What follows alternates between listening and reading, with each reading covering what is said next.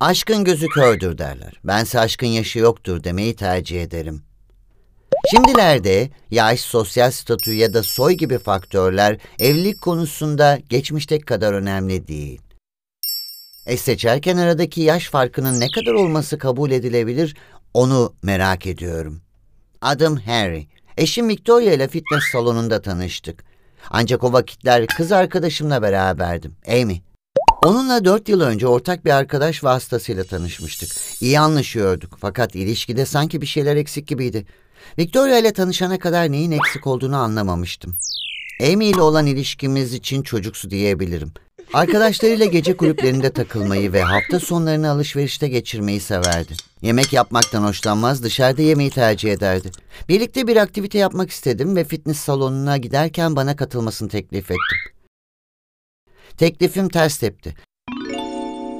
Ne yani şişman olduğumu mu ima ediyorsun?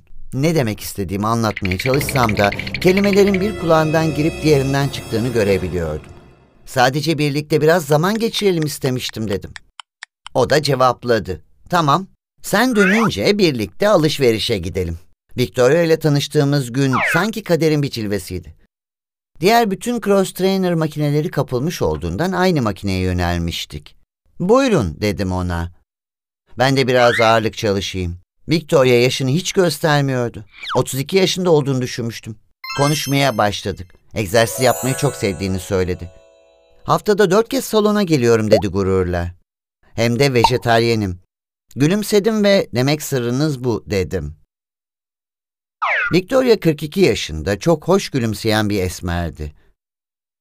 Etrafına yaydığı özgüveniyle çok seksi görünüyordu. Salonda birkaç kez karşılaştıktan sonra arkadaş olduk ve egzersizleri beraber yapmaya başladık. Zamanla ortak noktalarımızı keşfettik. Bisiklete binmek, spor yapmak, belgesel seyretmek, kitap okumak.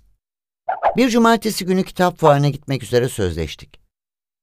İlk evliliğinden olan 6 yaşındaki kızıyla birlikte geldi.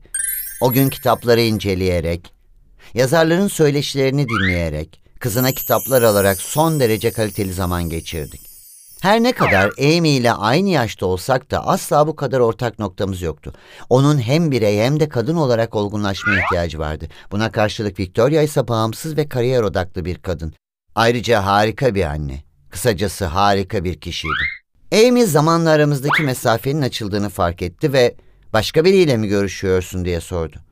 Bunun ona gerçeği söylemek için en doğru an olduğunu düşündüm. Yine de onu kırmak istemediğimden yalan söyledim. Hayır, bu aralar yorgunum. İş yerinde projeler yığıldı. Buna inanmadığı belliydi. Yüzünden anlayabiliyordum. Victoria ile aramızdaki ilişki dostaneydi. Birbirimizden hoşlanıyorduk. Bir kız arkadaşım olduğunu biliyordu. Bu gerçeği ondan gizlemek istememiştim. O meşgul bir anne ve kariyer odaklı bir iş kadını olarak zaman yönetimine odaklıydı. Tam tersine Amy giderek daha yapışkan biri olmuştu. Sürekli sorular soruyordu. Sanırım bu da toyluğunun ve güvensizliğinin bir göstergesiydi. Bir gün cep telefonumu mutfakta bırakmıştım. Amy mesaj sesini duydu ve telefonumu alarak kim olduğuna baktı. Ve işte o anda olanlar oldu. Victoria kim diye sordu sesini yükselterek. Bir arkadaş dedim kendime hakim bir ses tonuyla.